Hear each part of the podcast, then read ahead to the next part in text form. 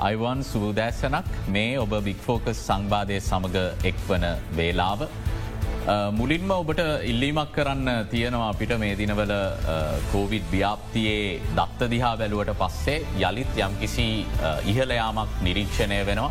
අන්තිම දින පහගත්තර පස්සේ හයදහසකට අසන්න නිල ආසාධිතින් සංඛ්‍යාවක් සෞඛ්‍යංශ විසින් නිවේදනය කරලා තියෙනවා මේ නිල සංඛ්‍යාව ඔබ දන්නවා නොනිල සංඛ්‍යාව මීට වඩා ගක් ඉහලාගේක තියෙන්නේ මොකද මේ වන විට ඔබ දන්න අඳුනට බොහෝ දෙනෙක් ආසාධිතයන් බවට පත්වෙලා ඇති මේ වන විට සමාජය තියෙන තත්ත්ව අපි නිරීක්ෂණය කරද්දි.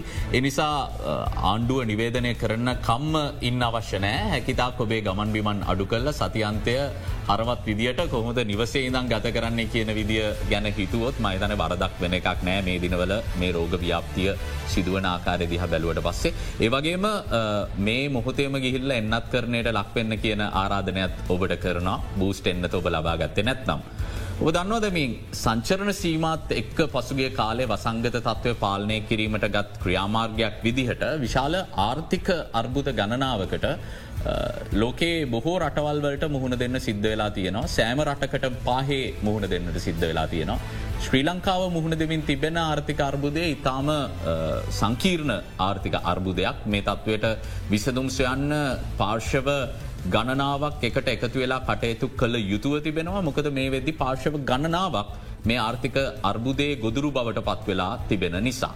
ඒ ආකාරයට මේ පවතින තත්ත්වය ආර්ථික තත්ත්වය දැඩි ලෙස බලපෑම් එල්ල කරපු ශේෂත්‍රයක් ගැන තමයි අදාපි අවධානය යොමු කරන්න සූදානමින් ඉන්නේ විශේෂ මේ ශ්‍රේත්‍රය ඉත්තාම සුවිශේෂී රටේ සෑම අනෙකුත් ශේෂත්‍රයකටම දායකත්වය දක්වන බොහොම ඒකාබද්ධව ක්‍රියාත්මක වෙන ශේෂත්‍රයක් මුද්‍රණ කර්මාන්තය ගැන තමයි අද අපි කතා බහට ලක් කරන්නේ පසුගිය දින කිහිපේම ජාතික පුවත්පත් අවධානය යොමු කල්ල තිබුණා. මුද්‍රණ කර්මාන්තකරුවන් මේ වන විට මුහුණ දෙමින් තියෙන අර්බුදය ගැටලුව සම්බන්ධයෙන් ආනෑනය කරගැනීමේදී තියෙන ප්‍රශ්න ගැටලු නිසා මේ විදදි විශාල අර්බුදයකට යමින් තියෙන මේ කර්මාන්තය. අපි ආරාධනා කලා මේ සම්බන්ධයෙන් මේ කර්මාන්තය යෙදී ඉන්න මේ කර්මාන්තය ගැන ප්‍රාමාණික දැනුමක් තියෙන දෙපලකට මේ ප්‍රශ්නය අපිත්තක බෙදාහදාගන්නේ වගේ මේ සඳහා ප්‍රධාන වශයෙන්ම විසදුම් අපිට යෝජනා කරන්නේ හරහා මේ ප්‍රශ්නයට යම්කිසි විසඳුමක් ලබාගන්න පුළුවන්ද කියන කාරණය තමයි අද අපි බලන්න සූදානමින් ඉන්නේ. මුලින්ම අපි පිළිගන්න ශ්‍රී ලංකා මුද්‍රණකරුවන්ගේ සංගමේ දෙවන උප සභහපති අනිල් කාරයවසම් මහත්මයාව අයිබන්. කියල බතුමාව බික් ෆොක සංවාදයට පිළිගන්න. ඇත්තකම ශ්‍රී ලංකා මුද්‍රණකරුවන්ගේ සංගමේ හිටපු සභහපති ඩිලාන් සිල්වා මහත්මයවත් අයිබන් කියලබ පිළිගන්නවා. මුලින්ම කැමති අනිල් කාරයවසම් මහත්මයට යොමු වෙන්න. දැන් අපි දන්න දේශය කර්මාන්තයක් විදිහට මේ කර්මාන්තය බොහෝ දෙනෙක් නියලිලා ඉන්නවා ශ්‍රී ලංකාව තුළ. නමුත් මේ සඳහවශ්‍ය කඩදාසි ඇතුළු අමුද්‍රව්‍ය ආනයනය කර ගැනීම හරහා තම මේ කර්මාන්තය ක්‍රියාත්මක වෙන්නේ. මේ දිනවල අපි ශේෂ්‍ර ගණනාවක් සම්බන්ධයෙන් ඩොල අර්බුදය ගැන කතා කරනවා ඒ නිසා අමුද්‍රව්‍ය ගෙන්වා ගැනීමේ අපහසුතාවය ගැන කතා කරනවා කොමද මුද්‍රණ කර්මාන්තයට මේක බලපාලදීන්. ඇත්වසම ඉස්සලා මම ශ්‍රී ලංකා මුදනකරුවන්ගේ සංගමයෙන් දරනට ස්තුතිවන්ත වෙනවා මේ පවස්ථාව ලබාදීම ගැන. ඇතන මුදන සේත්‍රයක ගම මුදන සේතේ විශාල පරාසයක් තියෙනවා එකන්න මුදන සේතර ඔප්සෙට පින්ටිම් පෙක්ෝ පින්ටිං ග්‍රවිය පින්ටි ස්ක්‍රීන් පින්ටන් ඩිජිට පින්ටිගන විශාල මුදන සේත පරාසයක් තුළ තමයි මේ මුදන කර්මාන්තය තියෙන්නේ. ඒ සඳහා නොනිල් ලියාපජින්ති ආයතන කැන්නේ දැන්ට මුදන සොළුහා මුදනකරුවන්ගේ මධ්‍යමහා මහපරිමාණ මුදනකරුවන් ආයතන හයදා කද්දාකට වැඩිය තියෙනවා. ඒ හද්දාක ආයතන වලින් සේවක සංඛ්‍යාවක් ඉන්නවා ලක්ෂ තුනකට වැඩිය. ඒ ලක්ෂ තුන සේවකයන්ගේ යැපෙන පවුල් යැපෙන්න්නන් ඉන්නවා ලක්ෂ දහයක් ඉතද. ඉති මේ අ මේ කර්මාන්තය ගැන්න පින්ටිං කර්මාන්තය ගැන්නේ අපි උපතේදී සිටල විපතක දක්කා අවශ්‍ය ගැන උපන්න සාතිකල මනසාතික අවශ්‍ය බුද්ධනීම පවතින කරන දෙයක්. ඒවගේම ඒ පරාසය තුළ සෑම දෙකට මුදන කර්මාන්තය අවශ්‍යයි. ඒක නිසා මේ මුදන කර්මාන්තය පවත්තාගනෑමට අමුදිරයිවල විශාල හිංගතාවයක් කෙන මේ බවර්තමාන විදේශය ලොලහින් ගෙතන එක මුද්දන කර්මාන්ත අවශ්‍ය දෙවල් කියන්නේ කඩදාසි මුද්‍රණ තහඩු එතකොට ගෑම රසායනික ද්‍රව්ය යන්ත්‍ර සූත්‍ර අමතර කොටස් ඒ සිලූ දෙවල් අපි දැනට මේ මුදන සේතර අවශ්‍ය දෙවල් ගැන වැඩියම ගැන්නන්නේ විදේශයටොල්ල. එකට සේට අනු පහක් විතර ගෙන්න්න විදේශ රටවලින්. මේ සඳහා දැන් මේ වර්තමානය තියෙන ප්‍රශ්නය තමයි මේ මුද්දන සේත්‍රයට අවශ්‍ය අමුදිරවේ නොමති නිසා මේ විශාල වශය මේ මුද දැන් අර්බුද්ධයකට ලක්වීගෙන යනවා. ඒද මුද්දන තේත අර්බුද්ධක ලක්කනවයි කියන්නේ මුද්දන සේත්‍ර විශාධනය අනිත් කර්මාන්තලොටත් මේක බලපානවා. ඒකන්නේ අපි මුද්දනය කරන සෑම දෙයම්ම අනිකර්මාන්ත කැන බෙලෙද පොල්ට යැවීම සඳහා සෑම අත්‍යවශ්‍යම අවශ්‍යයි මුද්දරන මේක කැනේ ඒ කර්මාන්ත පිළිබඳ දැනුවත් මනාද විස්තර පත්තිකාව කඩු වශයෙන් ඒවගේ පෑ ඇසරුම් පෙට් මේ එකක් අවශ්‍යය ලේබල්ල වශය වගේ. වගේම චියම අපි අපනෑනය කරනවා. අපනෑනය කරන්න සෑම දේකට මුද්දන්න මේකක් අවශ්‍යය. කැන්නේ මුදේක නැතුව අපනෑනය කරන්න බැරිනවා ඒකන් ලංකාවේ මොකක් නිෂ්පාදනය කරත් ඒකට අවශ්‍ය ඇසුරුම ඇසුරුම සන්නාමය මුද්‍රණය කිරීම ඒ සියල්ල සිදු කරන්න මුද්‍රණ කර්මාන්තය අත්‍ය අත්‍යවශ්‍ය. ඒකන්නේ තුළුවෙන් තකන් බෑ මේ ශේත්‍රය කැන අත්‍යවසම සේව ඇත්තමයි මේ මුද්‍රණ සේත්‍රිකයන්. ඒක පිළිබ ඒක තමයි වෙලා තියෙන මෙතනද. ඒකද මෙතනද මේ අර්බුදයට පත්වනොත් අපේ කර්මාන්තය ඒ සීලම් දෙවල් සෑහන් ප්‍රමායකට මේ නැවතින්න පුළුව ඒ වගේ මංහිතන් දැන් සාහිත්‍ය පොතපත ගැන අනිවා කරනවා වගේම දරුවන්ගේ අධ්‍යාපනය කරන අභ්‍යාස පොත් පවා මේ මුද්‍රණ කර්මාන්තයේ ප්‍රධානම මහිත නිෂ්පාද නිස්පාදනය කැන්නේ අපි අපි අපි ගත්තොත් අපි ලදරු අවදේ සිදල විශ්විද්‍යාල අධ්‍යාපන දක්කා යන අවස්ථා සෑම අවස්ථාකරම මේ මුද්‍රණ කුතපත අවශ්‍යයි. ඒක මේ එන්න මුද්‍රණ සේත්‍රය තුළින්. අපි කතාකර මේ සාකච්ඡා විස්සරහට ඇද්දී මේ තියෙන තත්ත්වයක් එක්ක මුද්‍රණ නිෂ්පාදනවල මිල අනිවාරයෙන්ම ඉහළ දැමීමට සිදුවෙන තත්ත්වයක් තියෙනවා. ඒ හරහා දරුවන්ගේ අධ්‍යාපනයට අපි මේ වෙද්දි වියදම් කරන මුදල ඉදිරියේදී කොයිතාක් දුරකට වැඩි කරන්න සිද්ධවෙයිද කියලත් යම් කිසි අවබෝධයක් ඔබට ලැබෙයි. ඒ වගේම මේ කර්මාන්තකරුවන්ට තියෙන ගැටලුව ගැනත් ඔබට අවබෝධයක් ලැබයි. ඩිලන් සිල්ව මහත්මය ඔබතුමා හිටපු සභහපතිවරයා ශ්‍රී ලංකා මුද්‍රණකරුවන්ගේ සංගමය මං කැමති දැනගන්න මාසිකව අපි අවධානය යොමුකරොත් කොපමන ඩොල සංඛ්‍යාවක් අවශ්‍ය වෙනවාද ඔබතුමාලගේ ශේෂත්‍රයට අදාළ අමුද්‍රව්‍ය විදේශ රටවල් සිට මහිතන් ප්‍රධාන වශයෙන් චීන ඉන්දයා වගේ රටවල් වලින් තමයි ඔබතුමාල ගෙන්වන්නේ. කොපමන මුදලක් වෑයනවා අපි මේ ඩොල කොපමන සංඛ්‍යාවක් ගැනද කතා කරන්න.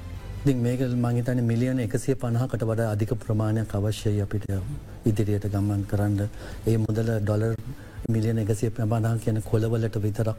ඒවගේ මාධිතානය අමුද්‍රවිය අවශ්‍යයි මොද බිලියන සීයක මුද්දනය කරන මුද්‍රණය කරනවා අපි. සමස්යකට අවුරුද්ධට ඉතින් ඒ ගානටම රුපියල් වලි මකිව බිලියන සිය. ඒ ගමන යන්ට අපිට මේ මුදල අවශ්‍යයි. ඒ ගැන මාසිකව ඔබතුමා මිලියන සීයක් එකසි පනක් කියලා කියන්නේ රුපියල් වලින්. ඩොලවලින් ඩොල එකසි පණහක් ඩොල මිලියන එකසි පණ අපිට ඕනෙන අමුද්‍රවී අනිත්තේවත් මිසිනරී වලට සියල්ල එකතු කරල ගත්තර පස්සේ.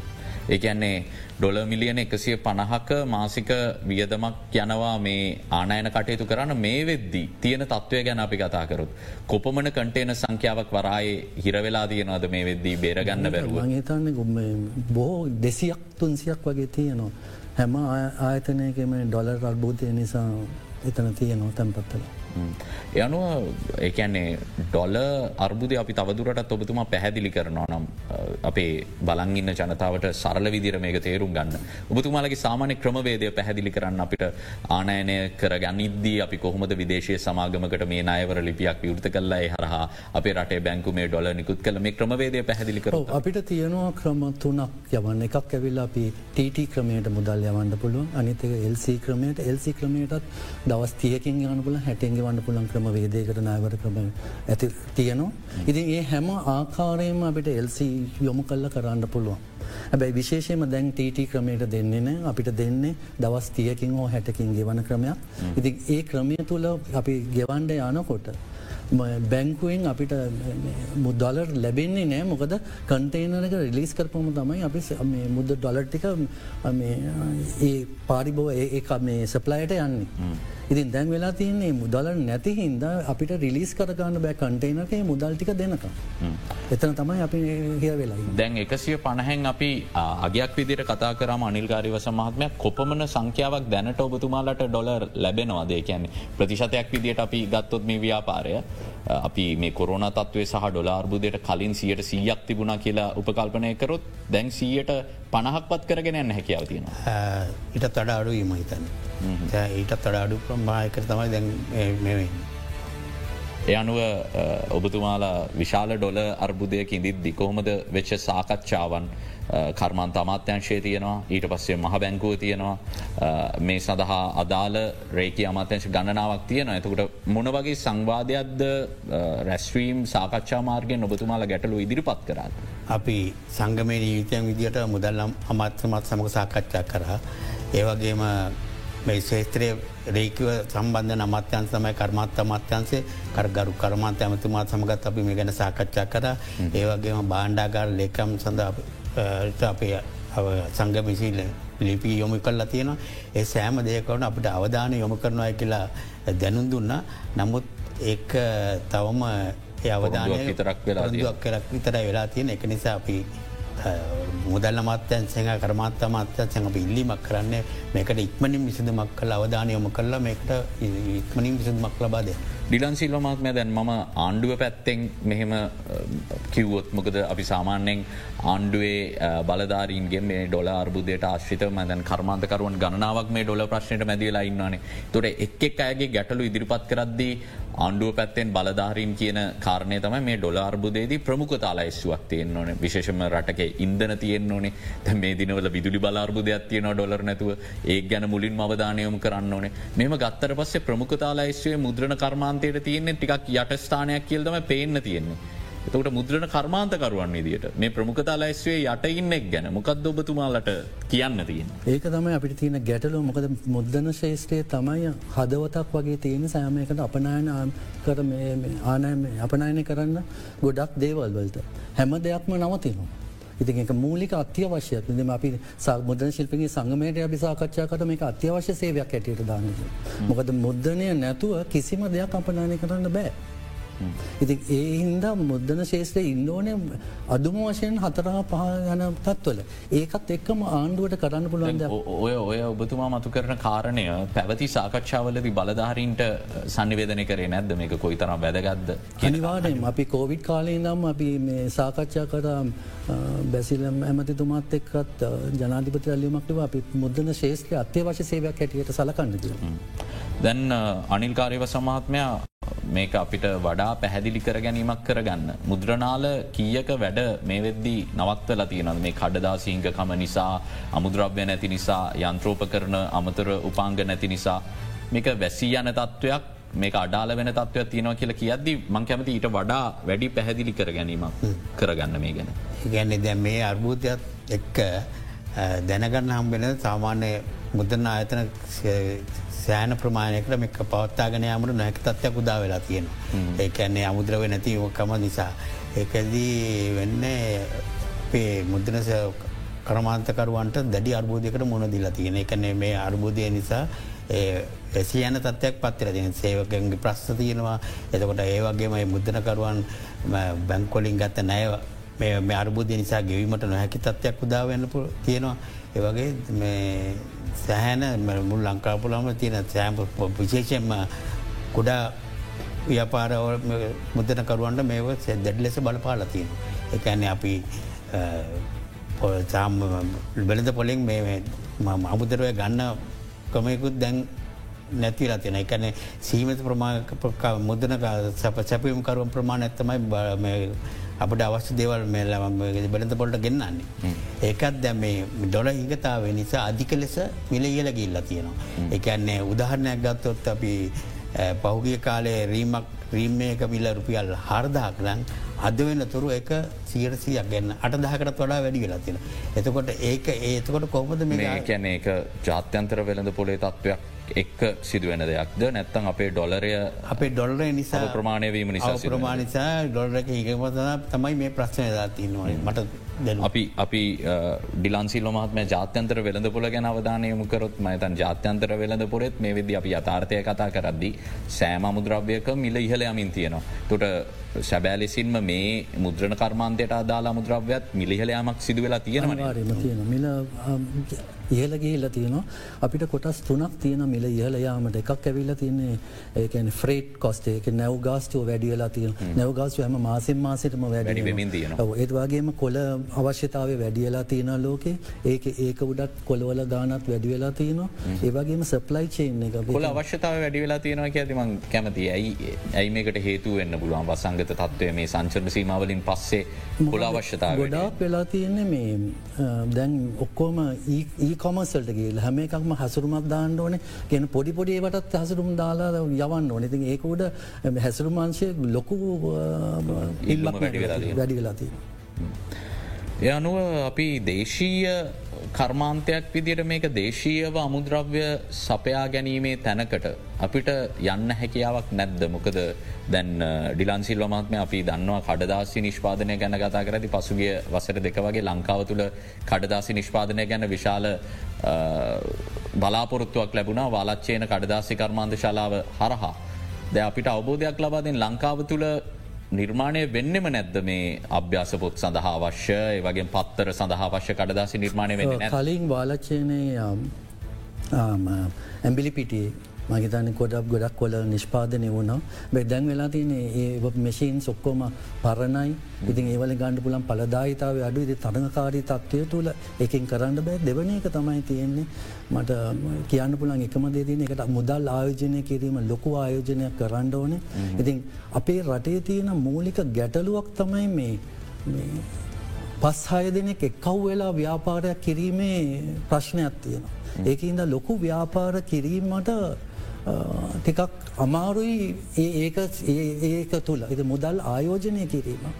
එක්කෙනෙකුට බෑයිද ගොඩක් කටේ එක්කවෙන්නන ඒ වගේම පිටට අපිට කටේ ගේෙන්ු නිති මෙතන ඒ කොටස තමයි තියෙන්නේ. අනිල්කාරිව සමාත්මය මේ වෙදදි දේශීව අපි කොපමන ප්‍රතිශතයක් සපයා ගන්නවාද මේ කඩදා සිදිහාපි අවධානයමකරු සියට බිඳුවයි. සියට අනිවාර්ම සියට එකක් දෙකක් වගේ වෙන්නේ තියෙන්නේ මොකද වාම දිලන් මහත්මයක්ගවගේ අපි වාලච්චනය කරමන්ත තාලාව කරුගගේ පාන්ගෙන මීට අවුරදු අවුරුද්ධක පතම කම්කරු අමාත්‍යමාලසේ මූලිකත්ය කියලා ආරම්භ කරත් කර්මහත් අමාත්‍යවරයසින් ආරම්භ කර. ආරම්භ කළ. එදා ආරම්භ කිරීමේදී නිස්පාදනය කර කඩදාසියට වඩා අද මේ කර්මාන්ත ප්‍රදර්ශනීද දැක්ක. ඒක සම්සි තත්වකින් උසස් භාග අරන්තියෙන. එකන කොතනින් හෝ මේක පටන් ගන්න ඕන අපේ රටේ. අපේ මේ වැඩ උදාහරණයක් ගත්තොත් අපි ගන්නනවා මාසකට ඩොල මෙටික්ටොන් වයිට පින්ටිං දරක් හැත්ත පන්දා ඇත්ත පන්දහක් විතර. මාසකට. අවුද්ධකට අවුරුද්ධකට මෙටික්ටොන් හැත්ත බන්දක් අපි ගන්නවා මේරට ඉතේ මෙටික්ටොට වයිට පිටිම් පිය පේපවන හැත්ත බන්දාගෙන එක ගුණාත්ම බය උසස් නිර්මාණයකින් මේක පාරම්භ කරොත් අප එක සියට විසිපහක් ඉතර අපි දේශයව නිස්පාදනය කරොත් අපිට යම්සි මේකට කියන්නේ යම්කිසි උසත් ඉන්න තත්වයෙන් ටිකක් ඉස්සරහට හරි පුළුවන්. එකන්නේ සමුළුමලින්ම ජාත්‍යන්තර වෙළඳ පොළ මත රඳා පවතින කර්මාන්තයක් බවට පත්වෙලා තියෙන එක මිදන්න හැකියාව තියෙන. මේ සියට දෙකත් අවසාන අවුරුද් දෙක තුළද මේක කෙමින් කෙමින් නිෂ්පාදනය වැඩිවෙමින් තියෙන නැත්තන්ගේ ඉහලයමක් නැද්ද?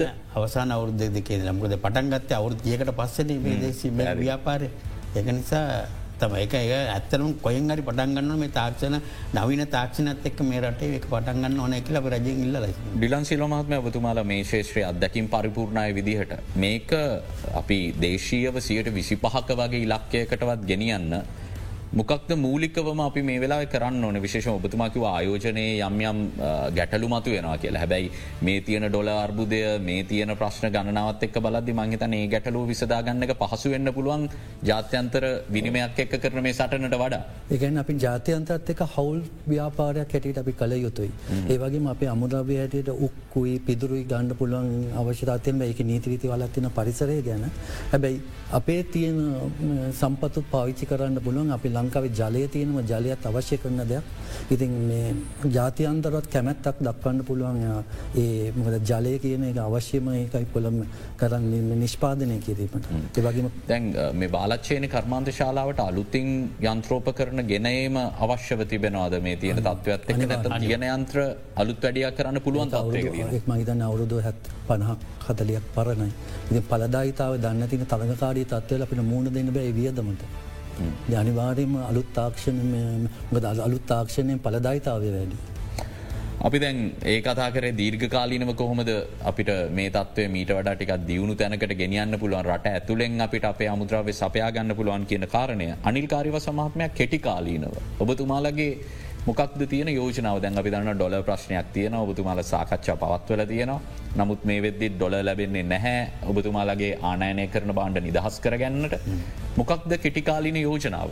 කෙටිකාල යෝජනාවක් ඉදිර මම යෝජනා කරනවා. මේ ශේත්‍රය සඳහා මේ මුදන ශේත්‍ර අමුදව ගැනීම සඳහා ශ්‍රී ලංකා මහ බැංකව විසින් මුදන ශේත්‍ර අමුදව ගැනීම සඳ ඩොල මිලියන දෙස පනක්කර වෙන් කල දෙන්න ඕන. අප ශේත්‍රය පවත්තා ඔබතුම යෝජන කරන්න මාසිකව වදායට. මාසිකව ඩොල මිලියන දෙසේ දෙසේ පනක් එකසේ පනක් පනක් වගේ ප්‍රමාණය ප්‍රමාණයක් අවශ්‍යයි.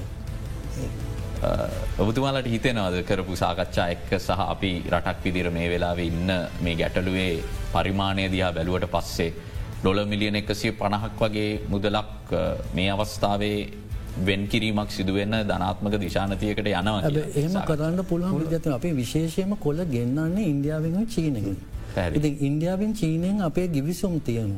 අපේ ගොඩක් සම්බන්ධතා තියනවා ඒ දෙක අතර ඉතින් අපේ ට්‍රේඩ ග්‍රීමන්ස් වලින් හරි අපිට දැන්දීලා තියෙන මුදල් ආයෝජනට වෙන්කිරීම තුළ අපිට ඒ ගමන යන්න පුළුවන් එකනමකද ඉන්දියාවයි වැඩි ප්‍රතිශතයක් අපි ඉන්දියාවෙන් චීනයම ගෙන්. ඉතින් අපිට ඒ ගැටලුව විසඳන්න මතන කතා කරගත්තත් පුළුවන් වෙන්ඩ මාර්ගයක් තියන මේ ඒ රටවල් දෙක හින්දා. ඒ අනුව මේ කාරිවස මහත්මයා මේ බලධාරින්ට මේ ඔබතුමාල මුහුණ දෙන ගැටලුවේ සංකීර්ණ භාවය ඒ හරහා ඒ අනෙකුත් ශේෂත්‍රවලට බලපානාකාරය පිළිබඳව පැහැදිලි වැටහීමක් මේ වන තෙක් නෑ කියලා ඔබතුමාල කියන මේ ඩොල නිදහස් කිරීම සිදු නොවීම හරහා. අනිවාරයම මොකද උදාහනය ද මම ඉල්ලිමක් කර මේසේ ඇතරඳ ඩොල මිලියන එකසි පනක් වෙන් කරන්න කියලා.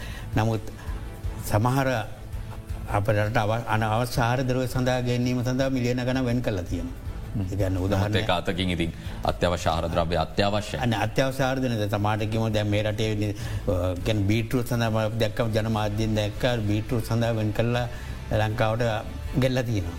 ඒ ඒ වගේ දෙවල් නැතුව අනවශ්‍ය දෙවල්ලට සීමාර පනවල මේ අත්‍යවස දේවක්ම මුදන සේත්‍රික ඒකට අවස්දය කරන්න අනිවාර්යමක වැඩ කරන්න දැන් ඔය කාරණය ආණ්ඩුවේ බලධාරන්ට කිවම කියන්නේ මේ එක් ශේෂ්‍රවල නියලිලා ඉන්න ඇවිල්ල කියන්න තමන්ගේ ශේෂත්‍රය කෝමත් අනිවාරය අත්‍යවශ්‍යය. නිසා අපිට දෙන්න කියලා මේක තම හැමෝම අපිට ඇවිල්ල කියන්නේ. ඒක තමයි අපි මුණ දිලඉන්න අර්බුදය කිය ඒම එන්න බෑන. මොකද මෙතනදන්නේ මේ දේශය නිස්පාදනයක් දැන්ට මේ බුදාන්නයකම කඩදාසි නිස්පාදන වෙන්නෑන අපි ආනයනය මතන එක වැරඳා පවතින්නේ නමුත් අරවගේ දේවල් මෙහ මහ පොලේ වගා කරන්න පුළුවන් දෙවල්න්න ඒක නිසා අපිට පුළුවන්ගෙන් ඕන රජයට මේකට අවස්දේ බැන් කරන්න. මම හිතන අනිත් එක ඇවිල තියෙන මේ දොල අවශ්‍යයකි නොනේ ඉතින් අපි අප අපනයන කරේ නැත්තන් බුද්ධනය නැත්තං අපනයන කරන්න බැ. බෑ. දැන් පසුගිය අවුරුද්ධ ගත්තර පස්සේ ආණ්ඩුවේ දත්තවලට අනුව අප අපනයන ආදායම ඉහල ගිහිල්ල තියෙනවා. සියට විසිතුනකින් දෙදස් විශ්ව වර්ෂයක සසදද්දි. එතකොට මේ පසුගේ වර්ෂයේ සංචරණ සීමයක මුද්‍රණ ශේෂත්‍රයේ මේ වගේ ඇසුරුම් සඳහා ලබාද නිෂ්පාදනවල අඩුවක්කේම සිද්ධ වනේ නැද්ද? කොහමරි කරගෙන ගියා කියන කාරණ දොබතුමාල අනිවාරයම අපේ සාකච්ඡා කර අපිට දුන්න විශේෂ බරප්‍රසාද දුන්න අපිට මුද්දන සිල්මිය සංගම හැටිද ගිල්ල නියෝජනය කරපුම් ඒකෙන් අපිට ලැබුණ ලොකු දෙයක් කරන්න අපි මුද්දනය කරගෙන යන්න. එතකොට මේ වෙද්දී ඔබතුමාලට කර්මාන්තයක් විදිහට රටේ මූල්‍ය ආයතනවලි. මොන වගේ සහනයක් ලැබිලා තියෙනවාද විශේෂෙන්ම දැම් බොහොම පැහැදිලි තියෙන ව්‍යාපාර කටයුතුවල ධාරිතාව ප්‍රතිශතයක් විදි අඩු වෙලා තියෙනවා විදේශ විනිමය අර්බුදයක්ත් එක්ක. එතකොට ආදායම උත්පාදනයත් නිකම්ම අඩුවෙන. මේ තත්ත්වත් එක්ක මූල්‍යායතන සඳහා වෙනම උපදෙස්මාලාවක් හෝ ලැබිල තියෙනවද මුද්‍රණ ශේෂත්‍රයේ නියලිලා ඉන්නයට යම් යම් සහනදායි ක්‍රම් වේදයක් අනුගමනය කරන්න කියලා. හිතන්න දැනට නෑනේ මහිතන්නේ අපිට තිබ්බ මේ මගේතන මරට මනිටෝරීම එක තිබ්බ අපේ මේ ජනවාරි මාසෙන් එක ඉවර වුණා. ඉතින් ඊට පස්සේ කිසිම දෙයක් අපිට ලැබිල නෑ.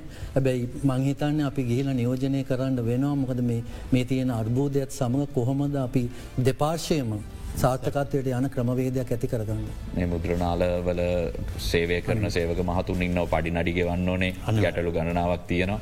ඉතිං මහිතන්නේ පවතින තත්ත්ව ඇත්තක ශේෂ ගණනාවක් අර්බුදකාරි වාතාවරණයකට මුහුණද ඉන්න මේක අපේ රට ඇතුලේ තියෙන තත්ත්වය ගැන අපි විධ කර්මාන්තකරුවන් සම්බන්ධ කර ගැනමින් ඔබට මේ තත්ත්වයන් පැහැදිලි කරන්න උත්සාහ කරන මේක ලෝකේ තත්ත්වයක්ත් එහෙමයි. ඇතැම් රටවල් සම්බන්ධයෙන් අපි බලද්දී මුළු මහත් ලෝකයටම බලපාපු වසංගත තත්ත්වයක් දැන් විශාල ආර්ථික අර්බුදයකට අරගෙන ගිහිල තියෙන ලෝකය.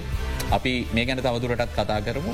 අපි කෙටි විරාමයකට යොමුුවන්නට සූදානමින් ඉන්නේ විරාමයෙන් අනතුරු අපි මේ කර්මාන්ත ශේෂත්‍රයේ හෙට දවස ගැන කතා කරමු.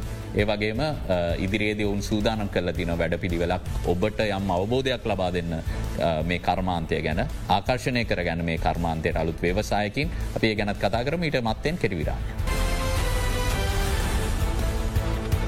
අයිවන් ඔබ යළිත් බික් ෆෝකස් සංවාදය සමගින් අපි මුද්‍රණ කර්මාන්තකරුවන් මුහුණදී සිටින ගැටලුව සම්බන්ධයෙන් අද අවධානය යොමු කරමින් සිටින්නේ.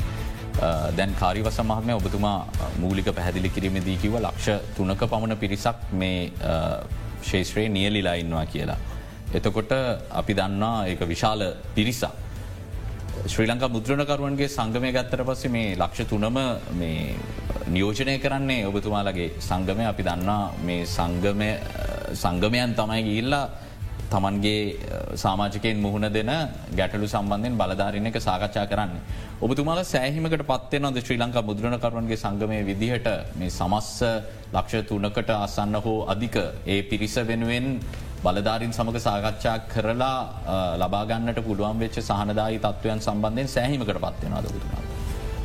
ධර්මත්දුරට සෑමයට පත්වෙන නමුත් මීට වඩා ඒ පිළිබඳව අවධානය යොමුුවෙන් ඕන ඒ සාකච්ඡා කර රාජ්‍ය ආයතන මේ සම්බන්ධ. ද උදාහරණයක් විදිට අපි ගත්තු සුළු පරිමාණ මුද්‍රණ කර්මාන්තයක් පවත්වාගෙන යන එක බොහොම සුළු පරිමාණ මට්ටමින් කරගෙන යන කෙනෙකුට රිචුවම ගිහිල්ලා රටේ බලධාරින් හම්බෙලා මේ සම්බන්ධ සාකච්ඡා කරන්න හැකියාවක් නැහැ. කොටින්ම කිවොත් බැංකුවකට ගියාට පස්සේ අපේ රටේ තියෙන අතාර්ථය තමයි ඒයගේ හන්ඩට ලොකු තැනක් ලැබෙන්නේ නැහැ. මේක ඉහලින්ම මහ බැංකුව මට්ටමින් සංනිවේදනය වුණුත් විතරයි මේ සියලුම සහන ක්‍රමවේදයන් මේ සියල්ල ලැබෙන්නේ.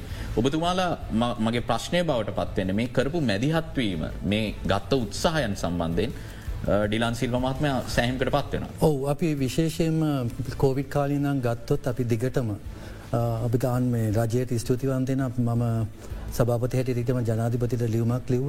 එක පාටම සම්පූර්ණයම සෙකටරිස් ලටි ඔක්කොම එක්කවල් අපිට තියෙන ගැටලුටික සාකච්ඡා කරන්න අපිට කාලය දුන්න. අපි විශේෂයම අඩලෙ හමන්දිරේදි සාකච්ඡා කර පැතුනක විතර සාකච්ඡාවක් තිබ අපි මුද්දන ශිල්පින්ගේ ප්‍රශ්න ගැන ඒ කාලි තිබ ප්‍රශ්ටික ඔක්කොටම නිරාකරණය කරල දුන්න. ඉතින් ඒවගේම ඒ නිරාකරණ විතරන්න මේ සෑම අංශයකම තිබ ඒ කාල වකවාන අදන තුර තියෙන ප්‍රශ්න අපි දෙම දොර අත්බුද්ධ අපි දිගට දිගින් දිකටම කතා කරනවා. ඒගොල ගොලන් වෙනීම ඒ වගේම අපි හැම සුමානයම අපි මුද්දන ශිල්පීන් එක් සාකච්ඡාවත්තින සුමාන දේකට සැරයක්. ඒකත් අපි දැන් මවබාසාවම කතා කරන්න කොඩා පරිමාණය මේගොලන්න දැනුම වර්ධනය කරන්න විස්සර තිබුන්නෑ මේ එඩියුකේ මේ කැන ඉගෙනීමේ සංස්කෘතියක් තිබුන්න මුද්දන ශිල්පීන් හැටියට ඒගොලන් වැඩ කරන එක යෙහෙලි යෙදිලයින්නා මිසක් කර ඉගෙන්වීමට තිබුණ අපි දැන් දිගටම මේ ව්‍යවසායකයන් හැටියට උගන්නන්ඩ අපි දැන් දිගටම දිගටම උගන්නාගෙන යනවා ඒගොළන්ව ඉහල සාතයකට මනසක් ඇති ඕවියස මනස ඇති කරගන්න අපි දැන් ඉදිරියට ගොඩක් දේවල් සාකච්ඡා කරමින් අපි කරගෙන යනවා ඉදිරියට. අනිල්කාරිව සම්මහත්ම එතනින් ඉස්සරහට ගියාට පස්සේ ඔබතුමාලා මේ වෙද්දී ශේෂත්‍රය ගැන සමස්ස කියවීමක් ගත්තොත්. ඔබතුමාලා සෑහිමකට පත්වෙනද මේ ශේෂත්‍රයට පිවිසෙන පිරිස සම්බන්ධයෙන් සහ පිරිසෙන පිවිසෙන පිරිස මොනවගේ අවබෝධයකින් ඔබතුමාව කතා කරපු ව්‍යවසායකත්ව මනසකින් මේ ශේෂත්‍රයට පිවිසෙනවාද කියන කාරණය සම්බන්ධය. ඇතරම තරුණ ප්‍රජාව ගත්තොත් මේ ශේත්‍රයට දැම් පිවිසයෙන් පොඩ අවම වෙලා තියෙනවා කැන්නේ ෘතික ෘතිය වශයෙන් අපි මොකක්දකට හේතු විදිර ඔබතුමාලා හඳුනගෙන තිීන්. හඳුනගෙන තියෙන්නේ මේ පිනව තවත දැනුවත් කිරීමක් කරන මුද්‍රන සේත්‍රය දෙන වටිනාකම මුද්‍රන සේත්‍රය දෙන අභිමානය ගැන අපි තරුණ ප්‍රජාවට අවබෝධයක් දෙන්න ලෑස්ති කරලා තියෙනවා. ඒ වගේම තව එකත් තමයි රජය මේ පෙ ඒ බුද්ධන සේතය පිළිබඳව කම්කරු දෙපාර්මයන්තුව යම්සි පටිපාලක සභාවක් විදිට කමිසි මේ ඒ මට අවුරුදු පණහකට ඉස්සලතිබ යවත් කාල සැල්ලි වැටු ක්‍රමය පිළිබඳ ද මේකත්තියෙන්. ඕවා දැක්කම තරුණ ප්‍රජාව එන්න මේ ශේත්‍රයට. ඉතින් දැන් ඉස්සරවාගෙනමනි දැන් මුදන සේත්‍රකයන් නවින්න තාක්ෂණයතු හොඳ යම්පසි අභිමානුවත් රැකියාවක් දිර තියෙන. ඒ පිළිබඳ අපි අධ්‍යයනය සිලිම තරුණය ප්‍රජාවට මේක දැනුවත් කරලා මේ පිළිබඳව රජ්‍යත් එක්කත් කතා කරලා පින්ටින් ආයතන සම්මකැන්නේ පුුණු ආයතනය සමඟ එකතු වෙලා වැඩසරහන් කරන්න අපි මෙ කරලා යන්න කමයි බලාපොරති. එතකට ඩිලන් සිල්ව මහත්මය දැන් මෙහෙම පිවිසෙන එක අඩුවක් තියෙනවා කියලා නිරීක්ෂණය වෙනවා නම් මේකට කොයද විසඳුම තියන්නේ? එතුමා දැනුවත් කිරීම ගැන කතා කරන නමුත් සංගමයක් විදිර කොහොමද මැදිහත් කියලා අධ්‍යාපන අමාත්‍යංශය හෝ මේ බලධාරින්ට මේ ගැන කතා කරලා තියෙනද ඔව අපි දැන් අධ්‍යාපන අමාත්‍යංශයත් එක්කත් කතා කරන ඒවගේම මිනිස්ක ස්කිල්ස් ඩිවලප්මට එකත් එක් අපි නිපුණ සංවාධනත අමාත්‍යංශත් එකත් කතා කරනවා. මෙතන තින විශේෂ දේ තමයි මේ මුද්දන ශේෂත්‍රයට අවශ්‍ය අවශ්‍ය කරන දෙයක් තමයි කෙමිස්ට්‍රි ෆිසික්ස් මොකද ආලෝකයයි ඒකන රසායනික ද විද්‍යාවයි අවශ්‍යයි එකන ෆිසික්ස අවශ්‍යයි ඉදිරියට යන්ද. ඒගොල්ලන් මේ ව්‍යාපාරයට එන එක නියලවීමට අපි දිරිගැන්වීම ක්‍රමවේදයක් ඇතිකරගෙන යනවා. මොද ඒක අවශ්‍යයි අපිට ඒගොලොන්ග ගන්න එක මේ ශේෂ්ඨ ඉහලට ගෙන යන්න. ඉති ඒක තමයි අපි විශේෂයෙන්ම යොමු කරන්නේ. ඒ වගේම අධ්‍යාපන අමාත්‍යංශයෙන් අනිල් කිවවාගේම අප සබ්ජෙක්ටයක් හැටියට හැටියට අපි අපි දැනුවත් කොරත් ඉතින් ඒක හොඳයි. ඒ මුද්දන ශේෂයට යන මොකද මුද්දන ශේෂත්‍රය තියෙන නියලෙන් ගොඩක් කට්ටිය මුද්දන ශේෂත්‍රයට එන්න දැනුමක් නැතුව. ඉතින් ඒක වර්ධනය කිරීම කලශ. අනිල්ගාරිව සමාත්මය දැන් ඕනෑම කෙනෙක් මහිතන්නේ තමන්ගේ ශ්‍රමය වියදන් කල්ල කාලය වැෑ කල් අධ්‍යාපනය ලබල යම් ශේෂත්‍රයක් තෝරගන්න තමන්ගේ අනාගතයේ වෘතිය විදිහට. තමන්ට ජීවත්වෙන්න අවශ්‍ය කරන මට්ටමේ යළි ප්‍රතිලාභයක් වැටුපක් තමන්ට ලැබෙනවාද කියන කාරණය ගැන හිතරන්නේ. එතකට වර්තමානය වෙද්දී ලංකාවේ මුද්‍රණ කර්මාන්තයට හැකියාවක් තියෙනවාද බෞතික විද්‍යාව රසායන විද්‍යාව පැත්තෙන් තමන්ගේ දැනුම ඉහලට වර්ධනය කරගත වෘතිකයින්ට ඒ අවශ්‍ය වටිනාකම ඔවුන්ට ලබාදීමේ වපසරියක් පරිමාණයක් ධරිතාවක් තියන ශේෂත්‍රයද ලංකායි මුද්‍රණ අනිවාටම තියෙනවා. පැහදිලි කරන්න මං කැමතියකයම් කොමද පුළුවන් කියන. ඒ කියන්නේ මේ මේ ශේත්‍රය පිවසනාම ඒ තරුණ පුරජාවට මේක දැනුම වර්ධන මේකයි බස්සේ හොඳ යම්පසි වැඩපු තලයකට එකොල ගෙන්න්න ගන්න පුලන් අපිට. එතකොට දිලානේ මේ ඒ අප වැඩපු තලඇත්තක් එනකොට අපි උසස් මේක ගොලට ඇඩතු කරගෙන යන්න පුළුවන් ඇකවත්ති ඒක තියෙන ගොඩා දුරට තින ෆිසික්ස් කෙමිස්ටේම ගත්තොත් ද මුද්දන ශේෂත්‍රය ගත්තොත් ආලෝකයක අවශ්‍ය ද මුදානකද හැම සුපමාකට් එකම එක ආලෝක කඩිෂන තියෙන කොලිටේක බලන්න.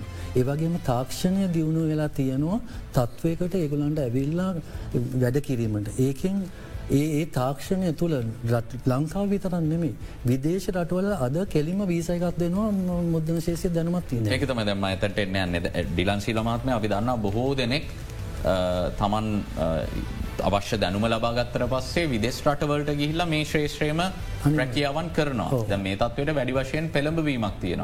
මේ රටින් එලියට යන පිරිස රට තුළ රඳවා ගන්න ඇයි අපි අපෝසත් වෙලා තියන උන්ට මේ රට මුදන ශිල්පීනයට වැරදත් තියෙන අපේ පරිසරය හදලත්න අපි මුද්දන කරුවන් හැටියට අපි අපිත් පරිසරය හදාගන්න ඕන ඒවාගේ පරිසරයක් දෙන්නත්. ඒකත් අපි දැන් යොමු කරන්න බලන මුද්දන මුද්දන කරුවන්ට තියෙන් මුද්දන ආයතනයක්. ඒ ඒ පරිසරයට ඇති කිරීම. ඒ ඒවත් බලපාන මුත් ආදායම විතරන්න මේ අප ඒවගේම මුද්දන ශේෂත්‍රයේ වැඩ කරනවා කියලා කියපුවාම අභිමානයක් දැනට නෑ ඒ අභිමානය අප ඇති කරගන්න ඕන. ඉති ඒවටම අපි බලන් බලාපොරත්තු එන්න කරන්න. ඔබතුමට යමක් එකතු කර දිරට ඇත්තටව සමාර මුදන අතය දින අභිමානයක් ඉදිට වැඩ කරන්න පුළන් කියාවක් වටපිටා සලසල තියෙන එම තියන් තියෙන තැන් තියෙන තියෙන. එක අපි කියන්න නමුකද එකන කියන ඔබතුමාලම පරිසරය කියලා කතා කරන්න මේ කාර්යාලීය පරිසරයක්. අනුව සඳ තමන්ට ගෞරවයක් ලැබෙන ආකාරයට තමනි ෘති අභිමානය රැකෙන වගේ ආයතනක පරිසරයක් පවත්වාගෙන ඒක අඩු මුදල්වලට වඩා මෙතන තියෙන්නේ මේ ආයතනක පරිසරය ගැටලුවක් කියන කාරණය ඔබතුමා ඒ සමහර ආයතන තියන අපිට මුතා ඉතාමත් හොඳින්ම තියෙන තැන ආයතන තිය මේ ශේෂත්‍රය ගැන තව කතා බහ කරන්න බලාපොරොත්තු වෙන විශේෂම මේ නිෂ්පාදනවල මිල ඉහල යාම කොහොමද ඉදිරියේදී වෙන්න කියන කාරණය ගැනත් අපි විමසමු. හෙටි විරාමයක් ලබාද. අපි මුද්‍රණ කර්මාන්තය ගැන කතා බහ කරමින් සිරින්නේ අනිල් කාරිවස මහත්මය. දැන් අපි කතා කරා මුද්‍රණ කර්මාන්තය කොච්චර වපසරියක පැතිරිලා තියෙනවාද? රටේ අපනෑන කර්මාන්තයට එත්තකම රටේ නිෂ්පාදන කර්මාන්තවලට මුද්‍රණ කර්මාන්තය නැතුවම බෑ. මොකද මේ ඇසුරුම් සියල්ල මුද්‍රණය කරන්න මුද්‍රණ කර්මාන්තය හරහාවීම නිසා. මං කැමති එතනින් අවධානය යොමු කරගන්න අධ්‍යාපනයට. මුකද අධ්‍යාපනයත් මේ වසංගත තත්වය නිසා වැඩිම හානියකට ලක්වුණු ශේෂත්‍රයක් දැන් තුන්ගනි වාරය තම මේ වනතේ ක්‍රියාත්මක වෙන්නේ පළමුවාරය අප්‍රේල් මාසේ තමයි ආරම්භවීම නීමිත දෙදස් විසි දෙක වර්ශය සඳහා. දැන් පොත්ලැයිස්වේ මිල කොච්චර ඉහල යයිද අවසාන වර්ෂයත් එක සසදද්දී තියෙන මිල ඉහලයාම හරහා. අවසාන වස්සතක සසනකොට මහිතන්නේ සියට හතලිය පනාකතර වැඩීමක් එන්න පුල සිත පනාකරත් වැඩියෙන් පුළ. මොකද දැන් දෙමෝපියන්ට තැ ප්‍රශ්නයක් කන ඊට පස්සේ අභ්‍යාස පොත්තල මිල දැන්තියනන වර්තමානය රුපියල් හතලියන උදානක පිටු අතිලිය පදක් රුපියල් හතලියකනම් මම සාමාන්‍ය දල ගනම් කියන්න අතිලියනම් එක ඊට පස්සේ වැඩීමක් කරකට මේ රුපියල් සියකටත් වඩා වැඩියන්න පුළ ඔබතුමාටත් පුළුවන් මේකට එකතු කිරීමක්. විශේෂයෙන්ම මේ දායක වෙන්න තිනේ මුද්දන අපේ තියෙන මේ ගණන් වැඩිවීම සිය උදල් දහ සියට සියකින් වැඩිය ලති. ඒක බලපාන අනිවාරයම පොත්බලට ඒකන ඔබතුමාලගේ අවසන් නිෂ්පාදනවලත් මිලත් සියට සීහක් වගේ වැඩි වැඩ පුළුවන්. ඒ වගේම අද තියෙන්න්න ඕන මිනිත් මේ ළමයින්ට කියවන්ට පොත්. මොකද ඒක මනස දියුණු වෙනවා. ඉති ඒ හින්දා ඒක ලොකු ප්‍රශ්නයක් ඉදිරියට වෙන්ඩ පුළුවන්. මොකද ඒ පන්දිනේ දවසට පොත් සාපුවකට කියල පොත්තිකක් අරන්නට පස්සේ අවුරු අනිවාර්යදමට වඩා දෙගුණයක් දෙක පුළුවන්. මේ තත්වට විසදුම් විදියට මොන වගේ දේවල් දයෝචන කරන්න පුළුවන් මේ ජාත්‍යන්තර මිල ගණන් නිහලයම ආණ්ඩුවට පාලනය කරන්න බෑ. එතකොට මේ ඩොල ප්‍රශ්නයක් මේ වෙලා පාලනය කරන්න ගන්න සියලුම උපක්‍රම ගනිමින් ඉන්නවා කියල් තම පේන්න තියෙන්නේ තර මේක නොවැලැක්වී හැකි තත්ත්වයක් ගැනද මේ කතාගෙන. දැනට තියෙන ප්‍රශ්නල නොවැලකේ හැකිම වලක් වඩ අමාරුයි. තියෙන එකම දේ තමයි අපිට තියෙන ඩොලට අර්බෝධය තමයි අපිට ගොඩක්ම බලපාන්නේ. ඒක අපිට හරලදුන දැන් මුදල් අපි ගන්න වැඩි ගානකට ඩොලර් ගන්නවා. එති ඒටික අපි හදාගත්තතර ගානක් පොඩක් හරි අපිට අඩු කරගන්න පුළන්. ඩිලන් සිල්වමාත්ම ඇත්තක්කමද රටක අපි ආනයන සීමකිරීම් ගැන කතා කරද්දී ආනයන ආදේශන කර්මාන්තයක් ගැන විශේෂම වර්තමාන ආණ්ඩුව කතා කරන අපිට පේනවා රට තුළ අපි අපිට පුළුවන් සෑම දෙයක්ම නිපදවා ගනිමු. අපි පිටරටින් රඳා පැවතීම අඩු කරමු කියන කාරණය. එතකොට මුද්‍රණ කර්මාන්තයට අපි එවැනි සංකල්පයක් ගැන කතා කරනවත් එක්කම. මුද්‍රණ කර්මාන්තයට මොනවගේ වගකීමක්ද මොනවගේ වැඩකොටසක්ද පැවරෙන්නේ. කොයි තරම් වැදගත්කමත් තියනද මුද්‍රණ මුද්දන ශේෂ්‍රය ලොක වැදගත්කමත් තියෙන බැ දැන තියන අපිට ඉස්සල ප්‍රශ්න මංකි මේ කියන ලංකාව කරන්න කියලගම පිටරටින් තාමත් මුද්දන එනවා.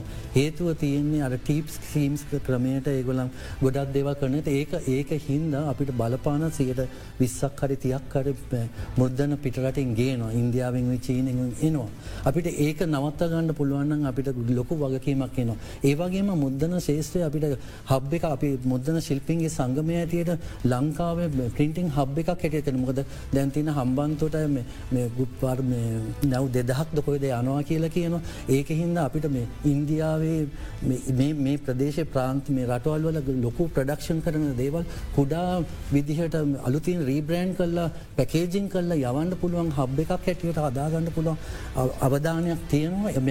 අවසට අවධානයක් මේ කරන්න පුළුවන් විදිහත් තියෙන ඉතින් පින්ටිං හබ් එකක් හැටියට මුද්දන් ශිල්ප මේ සංගමය දැන් කැපවිලා සිටිනවා. ඒ දේ කරන්න ඒවගේ දැන් චීනයම් හම්බන්තෝට හාබර එක ඒ වගේ ඇවිල මෙහ තැන්පත් කරත් ස්ටොක්ස් ටික තියාගත්තුත් අපිට වැලි වැඩිෂන් එකක් දාලා එක්ස්පෝට් කන්න පුළන් චීනය හො හොංකොන්වේ සිංගපෝ කරපු විදියට මුල් කාලයේදී. ඒක කරන්න අපිට ලොකු වගකීම කාසාාවක් තියනම් කදලා රට ගොඩක් ඩොලර් එන්න පුන වැලි වැඩිෂන් එකක් දාලා රීබ්‍රන්ඩිං වලින්. ඉදි ඒක කරන්න අපි පටන අරම කළ ඔබතුමාමට පෞද්ගලිකව කිව්වා ජපානයේදී අධ්‍යාපනය ලබද්දී ඔබතුමා අහපු කියමනක්. ඒක කොහොමද අදාල මම ජපානය මේ. පරිපාලනය මේ ඉගෙන්වීමට යනකොට මට කිව්ව දෙයක් තමයි ඒ යන්ඩ පෙන්ටි මේ මුද්දන කාර්ම ශම කන්තෝරෝකට ඒ මුද්දන කන්තොරට ගේල බැලුවත් එක පැවේසි අතරම වැඩ කරනවා කියන්නේ රට රටේ අනිවාර්යම දියුණුවක් තියෙනවා කියර. මොකද මුද්‍රණය සම්බන්ධයි අපිට සියට පහක් විතර ජීඩිපියකින් සියට පහක් විතර තම ජපානි වනත් ගත්තත් ඒක ජීඩිපියක මට හටියට මතක නෑද හැබැයි ජීඩි ලංකාවේ සියට හතරක් කට සියට පහක් විතර මුද්‍රණය ගන්නවා.